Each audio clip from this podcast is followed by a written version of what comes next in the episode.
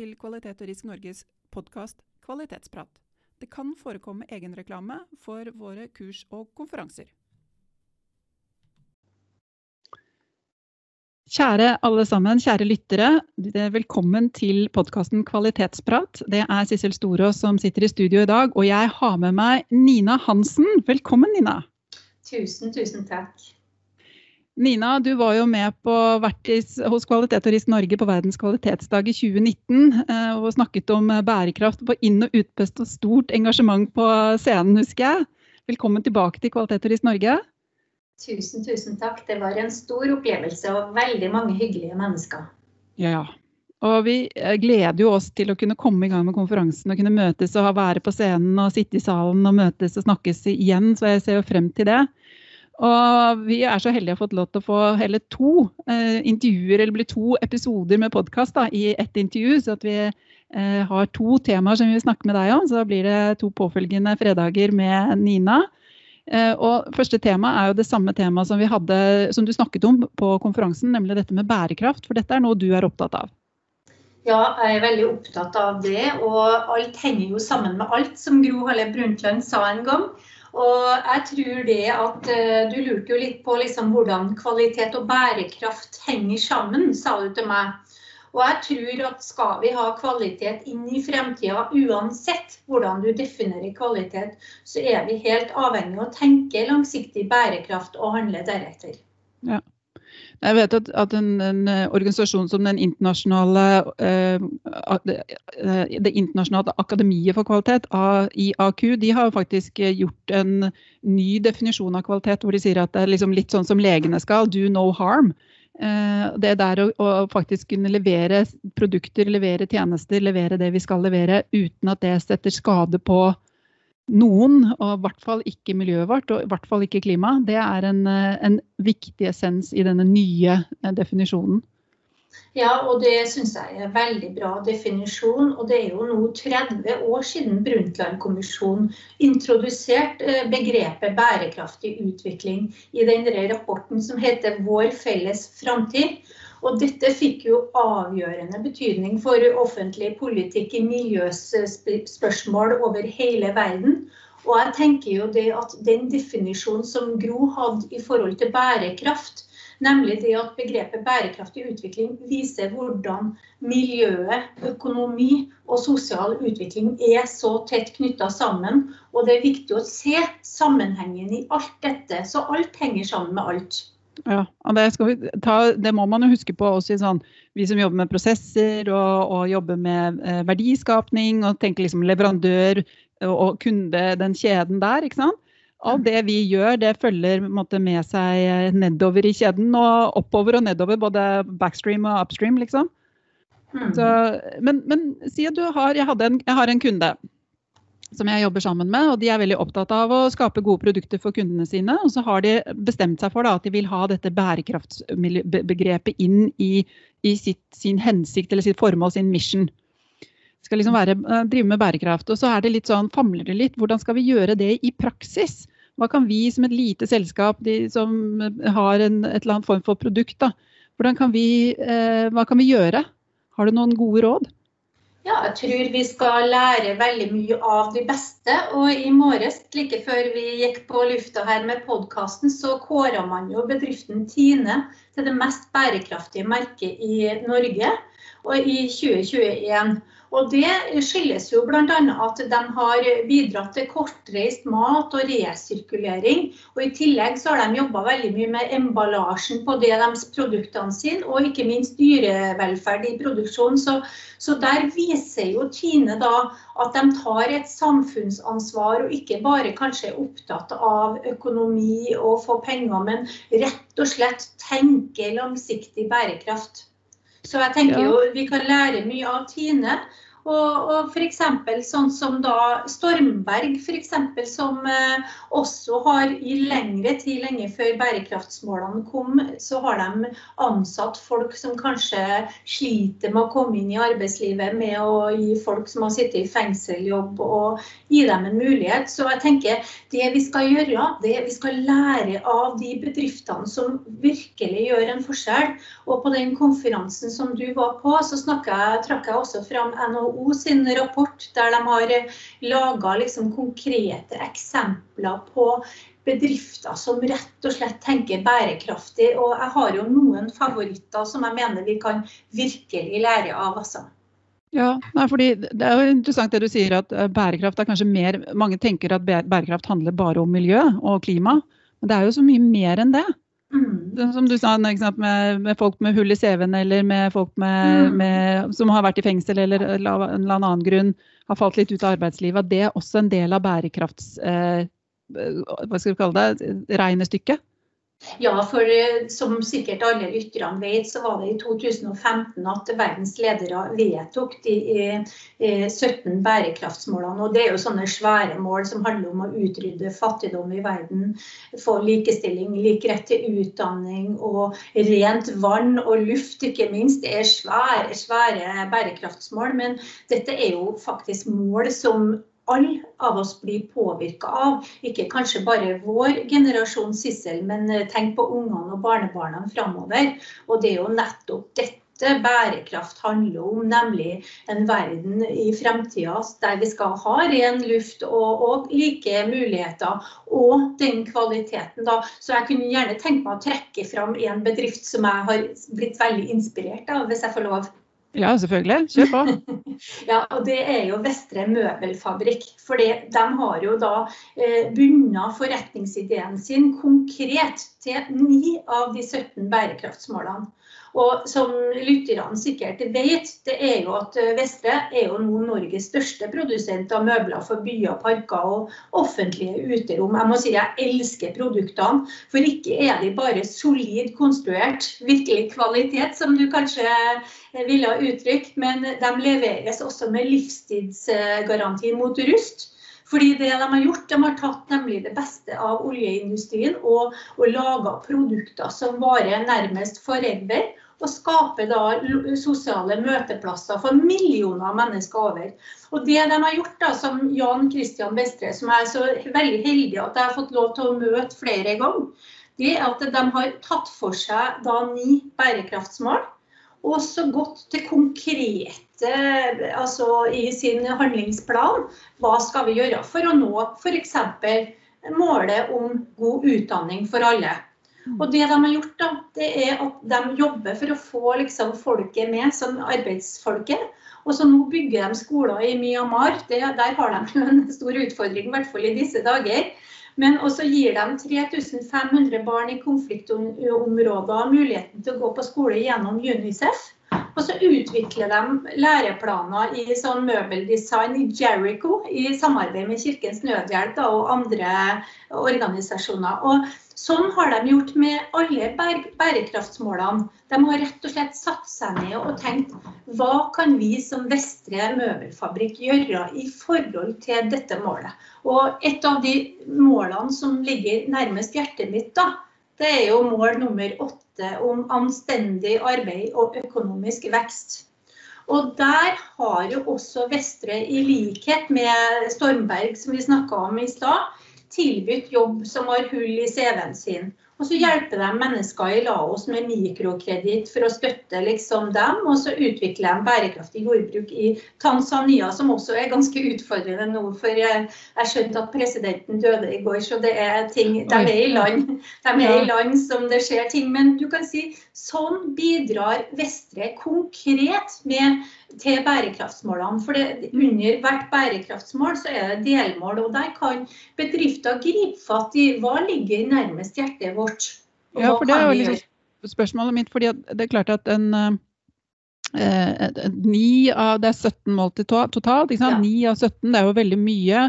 Hva tenker du at en, hvis, um, en virksomhet finner ut at ok, sånn som kunden min da, som gjerne vil bruke dette bærekrafts...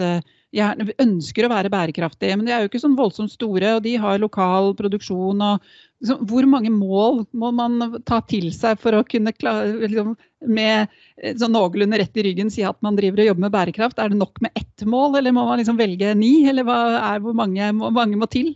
Ja, jeg pleier alltid å si du må ingenting. Absolutt ingenting. Men jeg vil oppfordre deg til å kanskje uh, se på Og det handler ikke om uh, hvor mange, det handler ikke om kvantitet her. Det handler rett og slett om viljen din og evnen din til å bidra litt. Altså, det er jo slagordet til Vestre.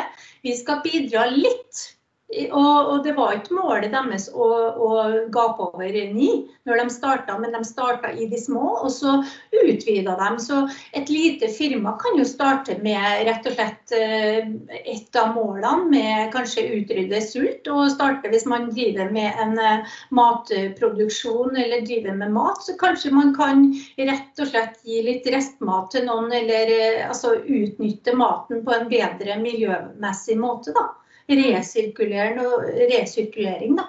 Og sirkulærøkonomi, som jeg mener er virkelig fremtida. Altså, vi skal tilbake igjen i sånn som vi levde før.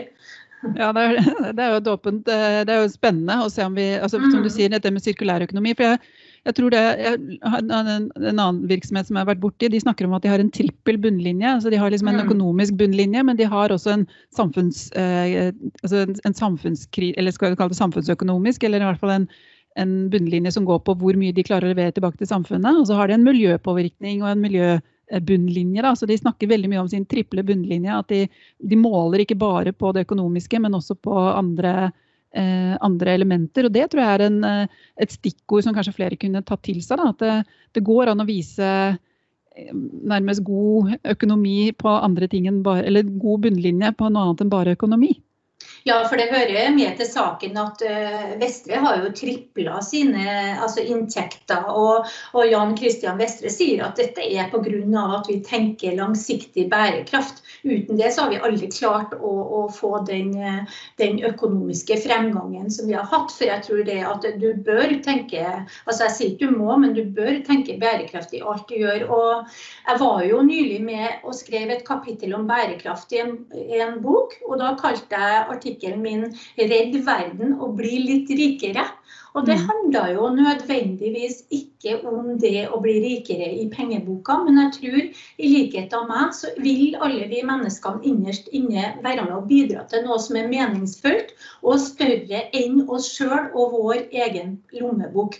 Så jeg har tro på at nå er verden klar for å tenke bærekraft. Og jeg vil si jeg er mer optimistisk enn Bill Gates, som nylig ga ut en bok om dette. Fordi han, ja, og Grunnen til det er at han sier ja, nei, nå må vi sette oss sammen. Vi må utvikle teknologi, og så må vi utvikle politikk og for å imøtegå nullutslipp innen 2050. Og så sier at vi skal bruke tid, så sier jeg nei. Jeg er mye mer optimistisk fordi vi har teknologien allerede. Og vi kan ikke sitte her og vente, som Gates sier. Vi må starte nå. Vi trenger bare politikere som faktisk er villige til å gjøre dette og tenke og satse på bærekraft. Ja, vet du hva, Nina? Jeg tror ikke vi trenger politikere heller. Jeg tror vi trenger folk som har vilje. For at Hvis hver enkelt bedriftsleder eller bedriftseier eller bedrifts-CEO eller hvem det er der ute, eller hvem som helst i for seg i virksomheten, akkurat det samme som jeg sier, skal du drive med kontinuerlig forbedring, det kan faktisk alle gjøre. Og jeg tror Hvis du skal drive med bærekraft, det kan faktisk alle gjøre. Og det er rett og slett litt sånn tilbake til eh, Jeg snakker jo mye om disse eh, kvalitetsguruene, da, men han, han, som lagde dette berømmelige kvalitetssystemet til Toyota, Toyota Production System, han som heter Taichi Ono, han sa at gjør, gjør noe, og gjør det nå. Det var mm. en av hans eh, absolutt viktigste prinsipper. Han tenkte kanskje på forbedring og kvalitetsforbedring, men det gjelder søren meg det bærekraftsmålene også. Ta tak, finn et eller annet, begynn med ett. Eh, sett i gang og, og, og knekk ut noen, eh, noen, eh, mål for din virksomhet. Og som glitrende eksempel med Vestre, med å begynne et sted, og så plutselig har det balla på seg, så er de oppe i 9 av 17 mål. ikke sant? Og mm. bidrar i mange land, og mye større enn egentlig det de er selv. da. Det er jo mm. helt um, Det er en utrolig inspirerende historie sånn sett. Ja, og det er altså så inspirerende. Jeg er jo så heldig akkurat i likhet med deg, så reiser jeg før i tida, før korona, så reiste jeg jo veldig mye rundt. Og da møtte jeg veldig mange interessante folk. Og en av dem jeg møtte, er Sharon eh, Barrow. Og hun er generalsekretær i ITUK, altså en eh, fagforening i, i verden. Hun sa noe klokt som brente meg fast i, i hodet mitt, i hvert fall. There is no jobs on a dead planet. Altså ingen jobber på en død planet. Og da er det jo sikkert ikke så mye kvalitet igjen heller, tenker jeg. Hvis ikke vi starter nå. Og, og jeg òg tenker sånn the, the, emergency of no, altså the urgency, mener jeg, of no, mm. det er nå. Vi må handle alle sammen. På alle og enhver uh, liten tiltak, uh, om det er å, å resirkulere søppel eller andre ting, hjelper. Mm. Altså bare på jobben min så har vi bare skifta ut alle plastglass f.eks. og gitt alle en kopp. Det hjelper veldig mye. Men da, da, Den er ikke ny, vet du, Nina. Vi, vi, for mange mange år siden så jobbet jeg i et rederi som heter Leif Høeg. Mm. Og de eh, bestemte seg faktisk for å gjøre en 14001-sertifisering. Og Det er jo en miljøsertifisering. og Dette var jo tilbake i begynnelsen av 2000-tallet. Eh, og da fikk alle sammen eh, utdelt en eh, porselenskopp som het Miljøkoppen, med navn på. Og den har jeg fortsatt. Den der Miljøkoppen den har jeg hatt med meg som sånn kontorkopp eh, siden. Så de som har jobba sammen med meg, de husker denne Miljøkoppen min med navn på. Og, ja, og... og, de, da liksom begynte med, Selv på alle skipene skulle, skulle kildesortere all søppel. De ble jo mm. litt sånn misnøyde. Det var jo ikke noe veldig hyggelig når de da kom til land og så skulle de levere den søpla, og så gikk det alt sammen i samme konteineren. men de hadde i hvert fall gjort et forsøk, og der hvor det var anleggs- eller mottakssystem for det, så kunne de faktisk levere da ferdig sortert søppel. Og det var nullutslipp fra skipene, og det var altså en, en, en miljøsatsing som var ganske unik, tror jeg, på begynnelsen av 2000-tallet. Eh, men da med en 14001-bakgrunn. Så den, jo, den var jo, Vi som jobber med kvalitet, vi kjenner jo ISO-standardene. Og 14001, min kollega Siri, som dere som hører på podkasten kjenner godt, eh, hun er jo, er jo, på en måte vært Vi har snakka om det også, hatt det som et eget tema i podkasten. 14001. Men så har du jo andre ting også. Du har jo svanemerking, og du har miljøfyrtårn, og du har den siden av det også som går an å ta tak i, eh, i tillegg til, til disse ganske store bærekraftsmålene. da. Ja, og du, det du sier, det er jo kjempeinspirerende historie. Og det viser jo at eh, hvis det er vilje, at det er en leder eller sånn som meg og deg, eller en enkeltperson som virkelig vil noe, så kan man få til veldig mye. Og I 1992 så bodde jeg faktisk i Kenya, ikke akkurat noe miljøvennlig land på den tida. Men i nabogata mi der bodde Wangari Matai, som jeg da var så heldig at jeg ble kjent med. Og Wangari Matai hun var jo professor, og så var hun miljøaktivist. Så hun starta en grasrotbevegelse som het Greenbelt Movement.